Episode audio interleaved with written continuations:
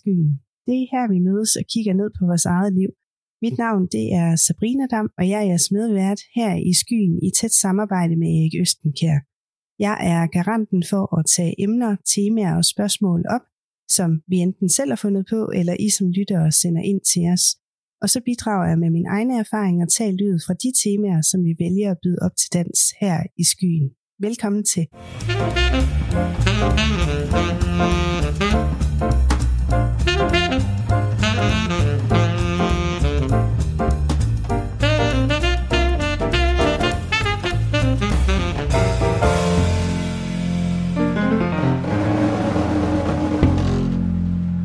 Velkommen tilbage i skyen, Erik. Tak skal du have.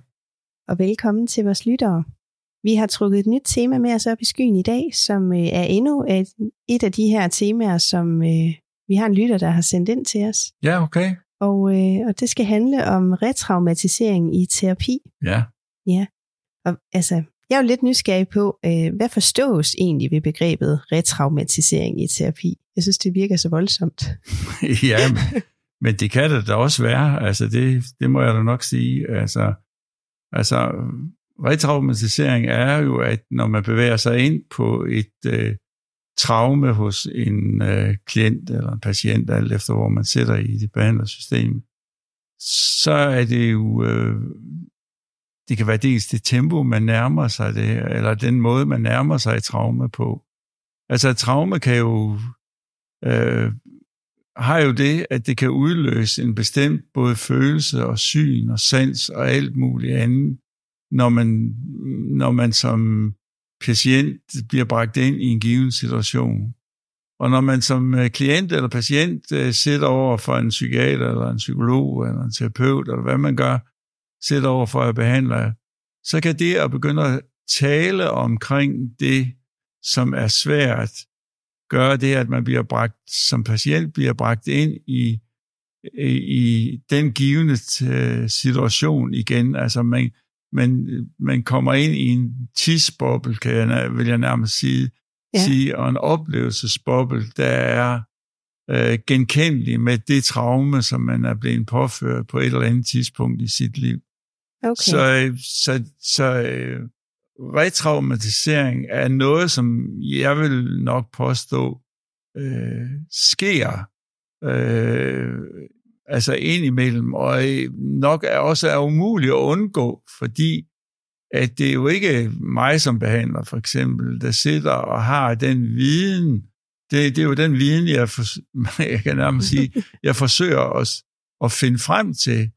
Og, og når man går og rager rundt der i siven, ikke, så kan man altså godt nok falde i et vandhul ind imellem. Ja. Altså, fordi man ved jo ikke, hvad der er på den anden side. Nej. Og, og det er der kun én, der ved. Og det er den, der sidder med, med traumet.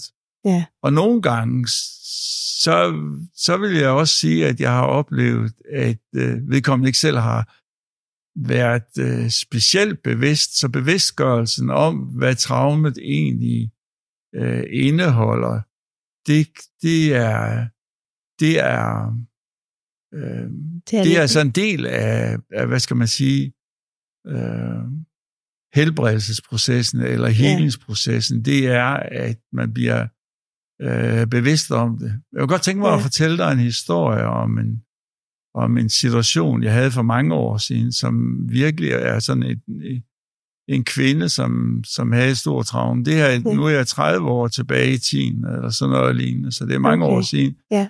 at jeg oplevede den her situation. Men der var en kvinde, der ringede til mig og sagde til mig, at øh, hun har været indlagt flere gange på øh, psykiatrisk sygehus. Ja. Og øh, hun havde et problem i dag, der var hun udskrevet, men hun havde et problem. Det er, at hver eneste nat, så drømte hun den samme drøm, og hun altid vågnede med et mareridt. Og det ja. sådan havde været år ud og år ind. Og, lige, og den følelse, den blev ved med at sidde i kroppen øh, af hende dagen igennem. Og øh, så hun gik fra det ene, hvad skal man sige, øh, øh, oplevelse eller mareridt til det andet. Og hun vidste ikke, hvad det var, øh, det handlede om. Nej. Men hun vidste bare, at hun havde den her øh, drøm, og, øh, og, øh, og at hun havde den her følelse, den her virkelige følelse af, af mange ting. Altså, altså, når hun fortalte, så fortalte hun, hun havde en følelse af angst og var skrækslagen og øh, havde øh, svede, når hun vågnede op om natten i, i den her situation. Ja. Og øh, hun kom egentlig for at spørge mig, om jeg kunne hjælpe hende med at slippe af med den drøm, eller det mareridt. og det er jo noget af en opgave at, at, at få, men jeg tænkte, jamen øh, til den opgave, der må jeg så bruge øh, det at bruge hypnose.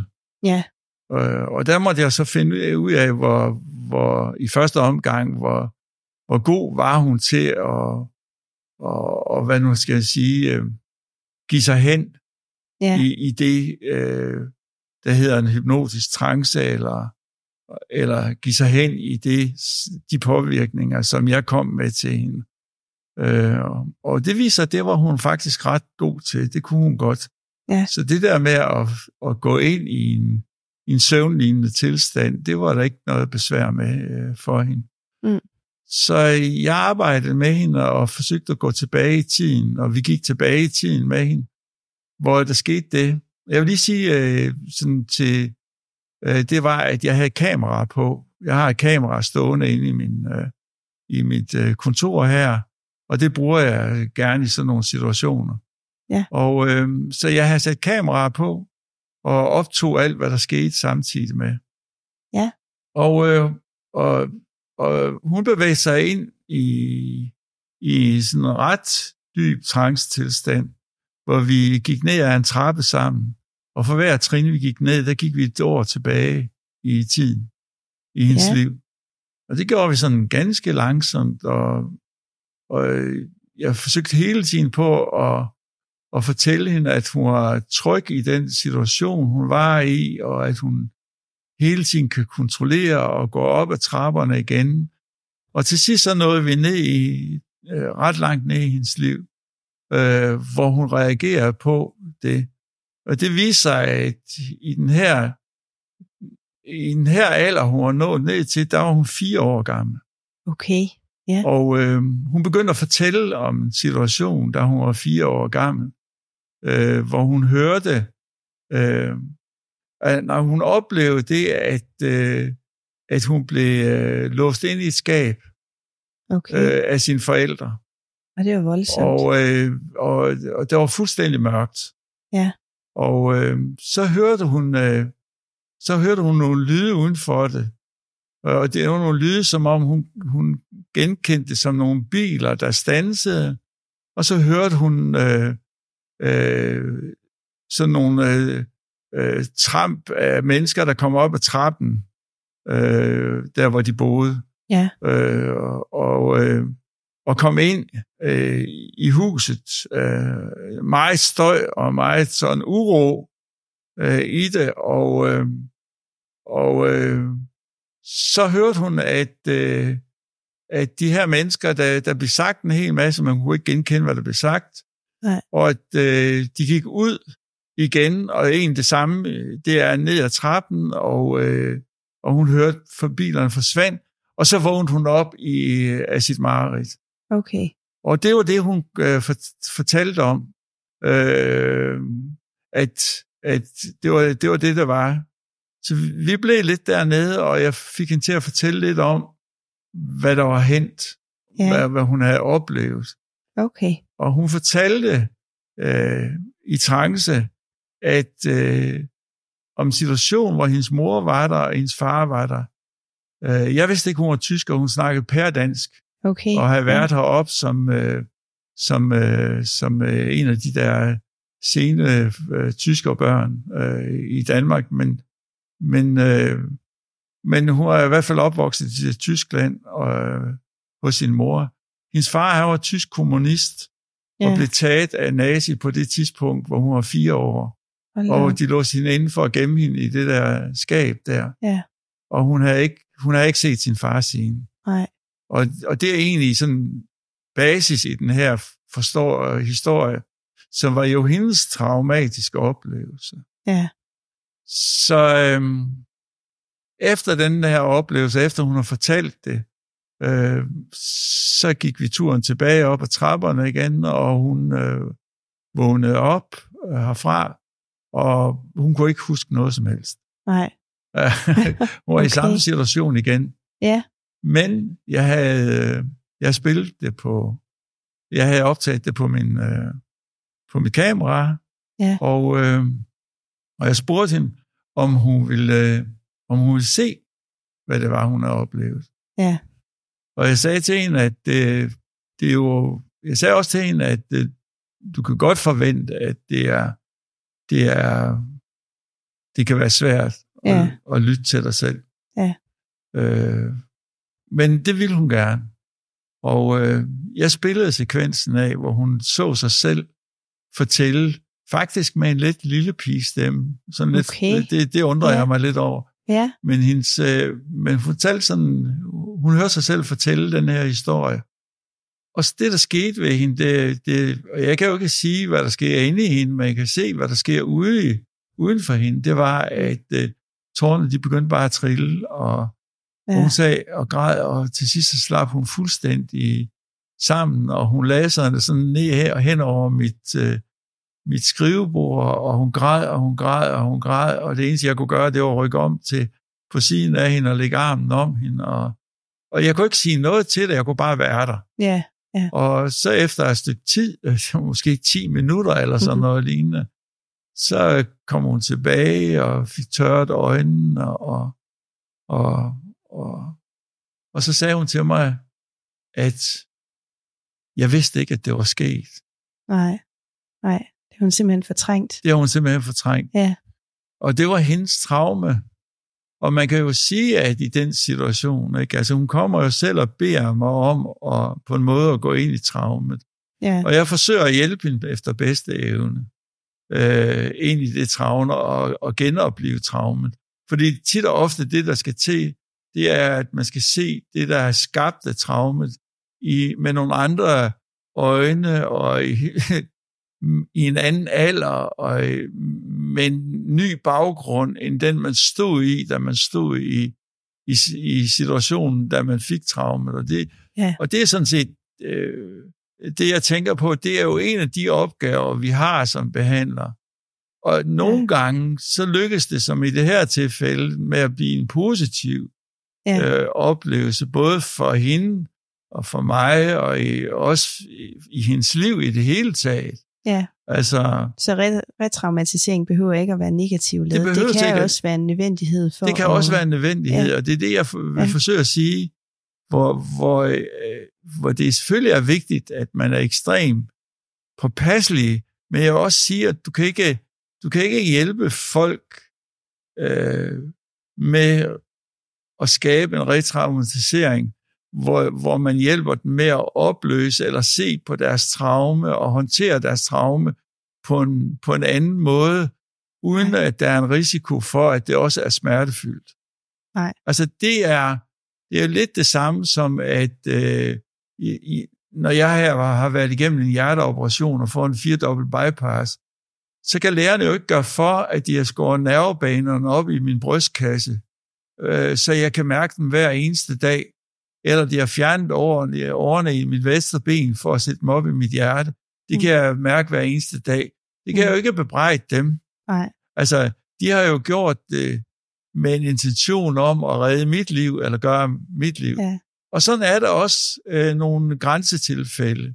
Ja, ja. Øh, Men er der i- patienter derude, der, der bebrejder øh, terapeuten for at, at have... Ja, og jeg, det er både med og øh, jeg synes, der er både med og uden grund. Altså, der er der, Ja, der, er der, nogle, øh, der er der nogle ting i det. okay. Altså, jeg oplevede en mand, der, kom, der, der også kom til mig, ikke? Også som, som, havde, som havde et... Øh, som havde en oplevelse af, at øh, han har været til en psykiater for mange år siden, Ja. og den her psykiater, han, øh, han, han er vist ret grov øh, ved ham, og, og når jeg får sådan en historie, så kan jeg jo ikke sige, at det er, ikke, det er forkert, eller det er ikke rigtigt, eller sådan Nej, noget lignende, nej. fordi at i deres, i, i min klans verden, der sidder og fortæller det, der er det deres sandhed. Ja. Og det må jeg have respekt for, at det er deres sandhed. Ja. Men det betyder ikke, og det synes jeg, det er vigtigt at fastslå, det betyder ikke, at det er, en, at det er sandheden. Nej. Men det er deres sandhed, det er deres oplevelse. Og trauma er altid deres oplevelse. Det er det, ja. de har oplevet, det der har brændt sig fast i deres sind, eller deres hjerne, eller deres sjæl, eller hvad du, du vil kalde det for. Ja. Og, det, og det må man, det må man, det synes jeg, man skal have respekt for, at sådan er det. Ja, ja. Det, jeg synes, der kan være vanskeligt i det, det er jo, at øh, beskyldningen om, at det er psykiaterens skyld, at vedkommende har et traume. Ja. Fordi at der er jo en grund til, at vedkommende kom til psykiateren. Ja. Som ikke har noget med psykiateren at gøre. Ja. Altså psykiater går ikke ud i familier og piller små børn ud, eller, mm. eller mænd eller kvinder, eller unge kvinder, eller sådan noget lignende ud af familien, og siger til dem, at der er noget i vejen med dig, nu skal du komme op til mig. Nej. Det er nu en gang normalt, det er, at enten er det ens familie, eller ens egen læge, der har medvirket til at sende en mand eller en kvinde op til en psykiater for at blive behandlet.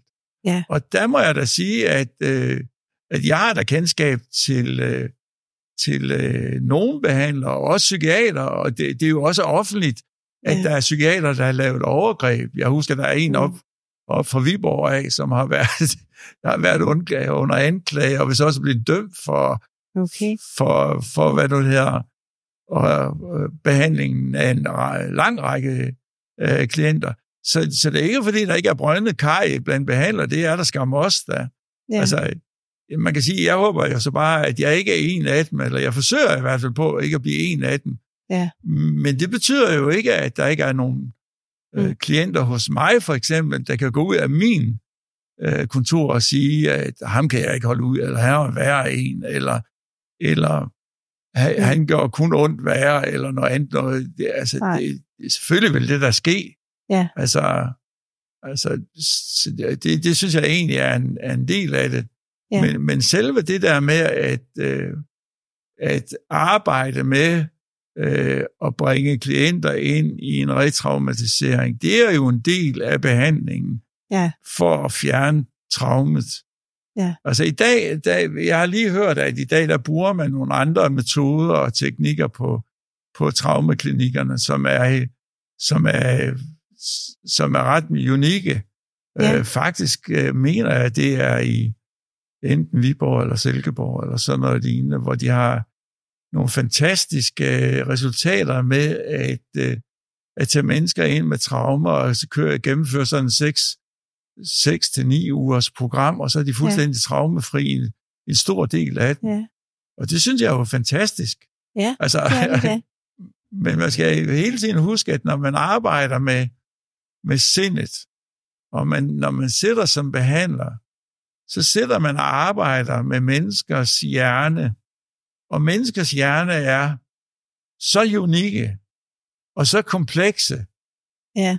at der er ingen hjerneforsker i hele verden, efter min mening, Nej. der vil sige, at de overhovedet forstår, eller tror, vi nogensinde kommer til at forstå hele den menneskelige hjerne. Nej. Så, så jeg synes også, at der skal være lidt lidt plads til, når, når man går ind og siger, jamen der bliver lavet fejl ved behandler. Ja, det gør der. Altså, jeg har lavet fejl. Det, det har jeg, og det kan jeg godt se tilbage på, og jeg kan grimmes af det. Men hvad jeg lærte, nu har jeg jo været i den her branche som behandler i, i 50 år. Ja. Men det jeg lærte for 50 år siden, det jeg lærte for 30 år siden, der er mange af de ting, de holder ikke en meter i dag. Nej. Så, så man skal også hele tiden huske, at det går så hurtigt ja. øh, inden for min branche om, hvad man mener er rigtigt, og hvad man mener er forkert. Ja. Og det, man mener lige nu, det om 10 år kan være fuldstændig vendt på hovedet igen. Ja. Altså, så, så, så der er nok mange mennesker, det er jo lige, lige før jeg vil sige, der er nok mange behandlere, der sætter med et traume, over det, de har gjort for, for, for, for, for 30 eller 40 år siden, ikke også, ikke? Ja. Øh, at det skulle man ikke have gjort. Nej. Altså, øh, og, men sådan er det er jo en del af livet. Ja. Det er jo en del af... Men kan det være nogle af de ting, som man i dag måske vil karakterisere som bevidst krænkende adfærd, eller Ja, det, det vil ja. nok være bevidst krænkende adfærd. Ja. Altså, fordi at man er jo bevidst om det, du gør. Ja. Ikke? Øh, men man gør det, altså, når du siger bevidst krænkende adfærd, altså, jeg har ikke, jeg har ikke nogen intentioner om at være krænkende Ej, over for mine Sat lidt klienter. på en spids. Ja. Så være bevidst om det, det er ligesom at lægge, lægge det ud til det. Altså, hvis man er bevidst krænkende som behandler, ikke? Ja. så det, det synes jeg ikke om. Nej. Men man kan jo sige, at man kan være meget, altså klienter kan jo også være meget sårbare. Ja. Altså hvis jeg går ud og siger, som jeg, jeg jo også har sagt tidligere, når jeg går ud og siger, at jeg tror ikke på det diagnosesystemet. Ja. Jeg tror ikke på, at der findes en diagnose, det her autisme for eksempel. Mm. Så vil der være lige nu være nogen, der giver et hop i stolene rundt omkring og siger, hvordan kan manden da overhovedet sige det? Hvordan kan han overhovedet tillade sig at sige det? Så vil jeg sige, det, det er, at, at selve diagnosen, eller det vi kalder ting, det er noget, vi opfinder som mennesker. Ja. Så, så det kan godt være, at der er nogen, der har nogle symptomer, og der er, nogen, der er flere, der har nogle af de samme symptomer i livet. Ja. Men for mig betyder det ikke, at vi skal gøre den til noget... Jeg mener faktisk, det er krænkende at give dem en diagnose. altså, det, det, hvis jeg skal sige det. Jeg synes faktisk, det er krænkende at sige, ved du hvad, du er sådan. Ja. Det, det synes jeg faktisk er lidt krænkende. Ja. Det er, at du er sådan, fordi det står i en eller anden DSM-5 øh, diagnosemanual, eller WHO øh, øh, diagnosemanual. Øh, øh, det, det, ja. det, det synes jeg faktisk er krænkende. Ja. At putte øh, mennesker ned i kasser, fordi at de opfører sig lidt anderledes end mig. Ja. Og, og, og, og, og jeg, jeg, jeg ved godt, at øh, der er mange, der vil sige, jamen lige os, der har fået diagnosen, os, der har været inde i systemet og fået diagnosen, og jeg vil endda fået det af en psykiater, ikke? Altså, altså, det er krænkende, når du siger, at den ikke findes. Ja. Jamen, det er faktisk det, jeg siger. Jeg siger, at navnet og diagnosen og kassen, det er noget, som er lavet ja. til at stoppe mennesker ned i. Øh, men symptomerne eller de psykiske problemer, der kan føre med, de ja. eksisterer der. Ja. Men dem vil jeg hellere forholde mig til. Ja. Dem vil jeg hellere se på, end jeg vil sætte mig ned og så sige, jamen, øh, du er depressiv, eller du er depressiv, eller du er øh, du har ADHD. Altså, altså, hvad skal jeg bruge det ja. til? Altså, nej. som behandler kan jeg ikke bruge det til noget som helst. Nej. nej. Fordi det har, det har aldrig nogensinde helbredt nogen at kalde dig ADHD'er. Nej. Øh, og jeg mener jo øh, dybest set, at det er krænkende, når man siger til et menneske, fordi du har den adfærd, du har, så skal du, have, så skal du stoppes med medicin eller et eller andet. Ja, ja, ja vi skal hjælpe dig, okay, mm. men, men vi skal ikke gøre dig til, så er du sådan en. Nej. Altså, det synes ja. jeg skulle være krænkende. Ja. ja. Altså, og, og, og jeg ved, at jeg virkelig taler imod, imod vinden lige nu. Ja. Altså, altså det, jeg kan jo heller ikke tillade mig selv at sige til et menneske, ved hvad, du har ikke en, du har ikke en traumatisk oplevelse. Nej. Ikke? Nej. Øh, det kan jeg ikke, men traumet er jo, traumet er jo det, som du har oplevet, og, og, og den måde, du har forstået og oplevet og følt og mærket, og en bestemt situation i dit liv, som har sat sig fast ja. boldet sig fast i dit sind, og som er medvirkende til den adfærd og den oplevelse, du har af verden lige nu. Ja. Altså, det bliver jeg sgu nødt til at tage alvorligt. Ja. Og så er jeg sådan set ligeglad med, hvad du kalder det for. altså. Ja, ja. Men når, når vi taler om det her med retraumatisering, handler det så ikke om, at man måske som klient skal blive bedre til at få sat ord på sine bekymringer? Jo, men det, kan jo ikke, det er jo ikke altid lige nemt. Nej, altså, det er jo nej, der, hvor det er tit ofte så kommer man og siger, jeg, der er noget i vejen med mig, jeg ved simpelthen ikke, hvad der er, hvad der er i vejen, men der er noget i vejen. Ja. Jeg har det ikke godt, Nej. men jeg ved ikke, hvorfor jeg ikke har det godt. Nej. Ikke? og jeg kan godt forstå den der fortvivlelse, fordi jeg ser den jo den, den ene dag efter den anden, og jeg har gjort det i 50 år i mit liv. Mm. Det kom ind og ud af døren. Den der fortvivlelse, hvor jeg ved ikke, hvad der er galt. Ikke? Altså, Og så er risikoen jo for at finde noget, som man måske ikke lige regner med, jo også stor. Den er ekstremt stor. Ja. Og, og jeg vil sige ja. det både på godt og ondt. Altså, fordi du kan lige så godt finde ud af, det, altså, at det, jeg troede, der var, noget, der var noget rigtig lort, eller der var forfærdeligt ved mig, eller sådan noget, det er faktisk, det er faktisk min største force. Ja. Altså, altså, jeg bruger jo tit det der, når jeg er ude og holde foredrag, så, så siger jeg til den der, med min fortid, ikke?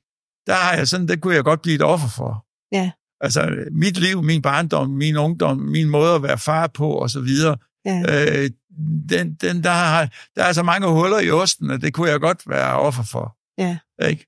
Men det er jeg ikke. Sådan, sådan ser jeg ikke på mig selv. Jeg ser på mig selv som et resultat af den. Ja. Ikke? Og alle mennesker, der kommer herind, er et resultat af det, de har gennemlevet i deres liv. Ja. Og det har jeg sgu dyb respekt for, at de er. Ja. Men det får mig altså ikke til at sætte dem i kasser, mm. eller til at sige til dem, at fordi du har øh, en eller anden diagnose, eller fået en eller anden diagnose, så er det i orden, at du opfører dig sådan, som du opfører dig. Eller ja. hvis det var sådan. Ja. Altså, Nej. Det, det gør jeg ikke. Nej. Altså, øh, og, det, og det er sådan meget, øh, altså, der, der vil jeg nok sige, der, der er nok meget enkelt i min tankegang. Ja. Jeg kan ikke acceptere, at mennesker skal gå og have det dårligt, som dem de er. Nej. Nej, og det er, jo, det er jo egentlig risikoen ved det, hvis ikke man får fat i det her traume, og finde ja. ud af, hvad det er, det egentlig ja. handler om. Ja, det er det. Og det er jo ikke altid op til en behandler at få fat i det. Nej, det er det ikke. Og hvis det så drejer sig om behandleren, der skal være, der skal være traumet, eller det, hvad jeg ikke tror, det er. Nej. Altså, jeg tænker meget på, at jamen, behandler, vi kan godt som behandler være dem, der, der udløser det traume, som er skabt. Ja.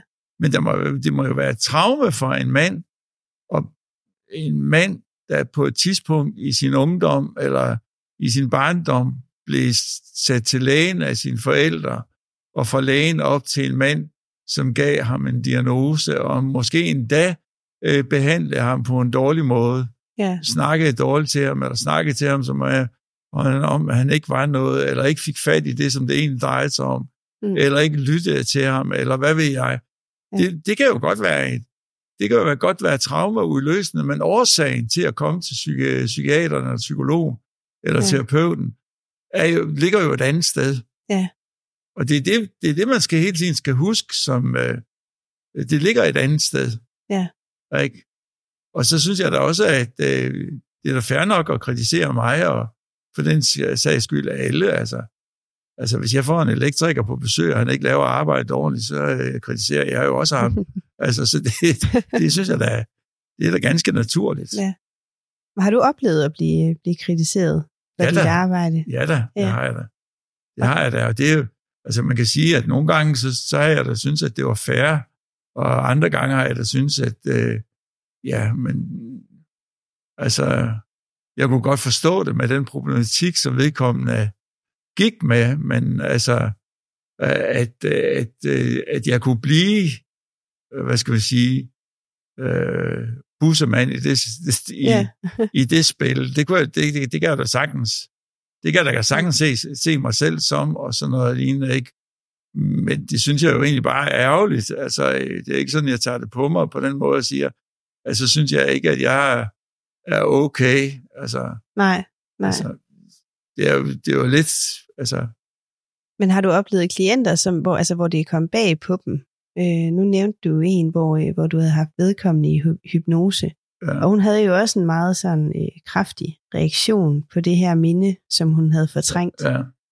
Øhm, hvor, hvor, øh, hvor man måske kan føle, at nu er det bare et nyt traume, fordi nu har jeg fået den her bevidsthed om, hvad der egentlig skete på en eller anden måde. Altså, nogen, der sådan har klandret dig for, nu jeg havde det her traume, jeg havde det her mareridt, og nu går jeg ud af døren med en bevidsthed om, hvad der foregik, så det er blevet til et nyt traume på en eller anden måde, som jeg nu skal prøve at, at bearbejde.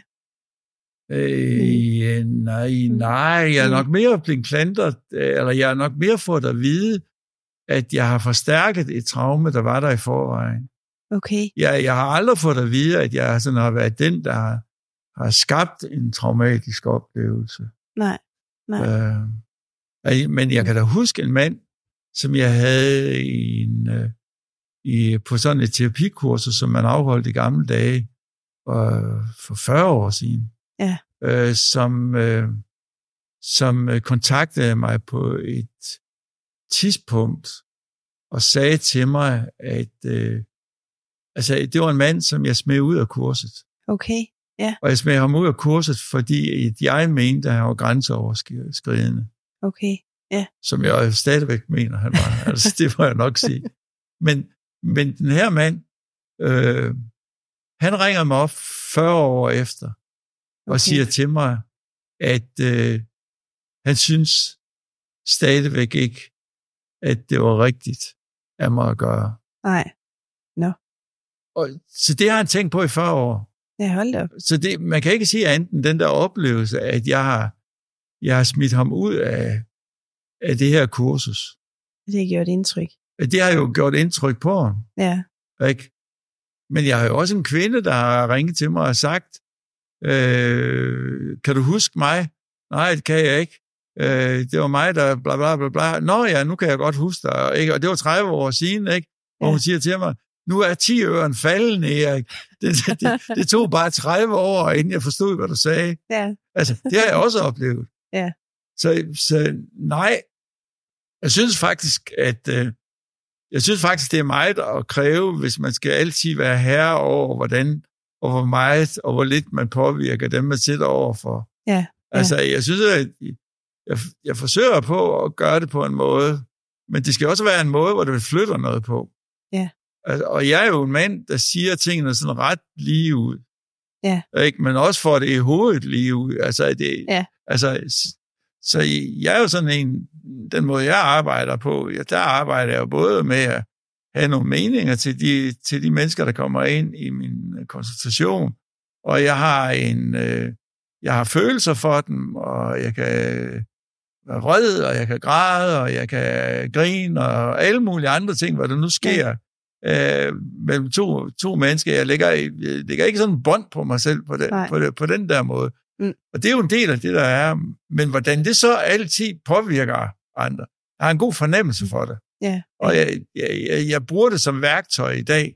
Men jeg er jo ikke herre over modtagerens, modtagerens Mm. modtagelighed, Nej. eller nej. modtagerens øh, øh, sorteringsmekanisme, eller Nej. sådan noget lignende. Jeg kan kun sige, at jeg er sammen med dig, mens ja. du sorterer, og, Ja. og, og hvis der er noget, du er utilfreds med, så er det fint nok, at du siger det. Ja. Ikke? Ja. Øh, Så der er snak om det, og sådan noget. Være åben på den måde.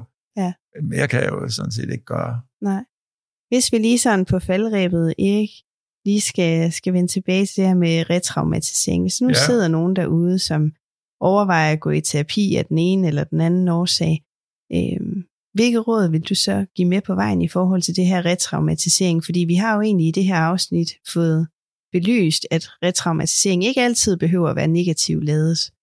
Nej. Øh, så Jamen, jeg, det, jeg, hvis, hvis, hvis man sidder og går rundt i livet med et eller andet traume, som man ikke kan få styr på, og du er bevidst om det, og du ved, at det, der er et eller andet her, det kan være alt muligt andet, så skal du vide, at der er to, og det skal du gøre dig klar. Det tror jeg, det er den beslutning, man skal træffe, inden man går i, i terapeutisk for, forløb. Det er, at, at selve forløsningen af det traume, altså forløsningen kalder jeg det, at gå ind i det, og det at gå ind i traumet, og se traumet, og være i traumet, og mærke traumet, og føle traumet, ikke? og få det sat ind på en anden måde, i den måde, du tænker på det på.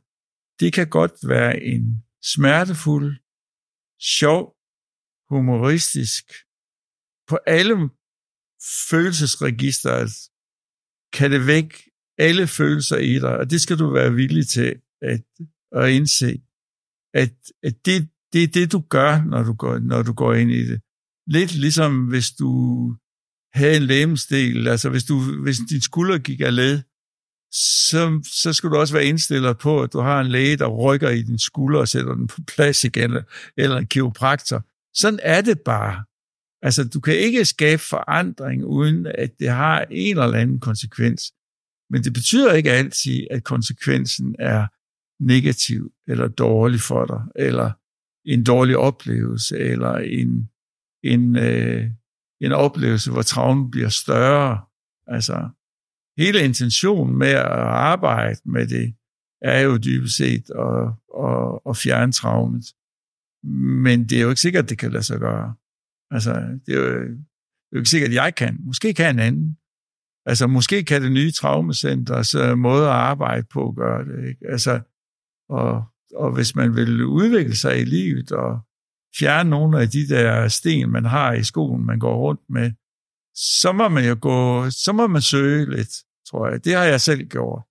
Altså, jeg har været i gestaltterapi, og jeg har været i familieterapi, og jeg har været i systemisk terapi, og jeg har været i kognitiv terapi, og jeg har været i NLP-terapi, og jeg har været i hypnoseterapi, og jeg har været ved healer og dealer og alle mulige andre mærkelige mennesker, for, for ligesom at, at udvikle mig selv, og, og, og der er der mange forskellige ting, jeg har fået at vide hen ad vejen. Og noget har sat sig som nogle gode minder og noget godt i mig, og noget, det holder mig langt væk fra. Ja. Jeg tænker, vi skal lade det være, være ordene for det her afsnit, ikke? Ja. Og så er der jo bare tilbage at sige på gensyn. Vi ses i skyen på næste mandag.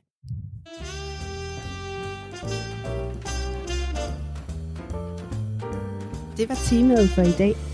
Hvis du har kommentarer eller har forslag til et emne eller en historie, som du gerne vil have, at vi tager med os op i skyen på et af de næste afsnit, så kan du med fordel sende dine forslag til os ved at finde os på vores Facebook-side og Instagram under navnet Skyen Podcast. Du er også meget velkommen til at sende os en mail med din historie eller forslag til emner og temaer. Det kan du gøre til skyen.podcast Husk også, at du altid er meget velkommen til at abonnere på Skyen, så du altid kan være opdateret med de nyeste afsnit. Du er også altid meget velkommen til at dele Skyen med dit netværk, så vi kan nå ud til endnu flere lyttere. Vi ses i Skyen på næste mandag. Tak fordi du lyttede med.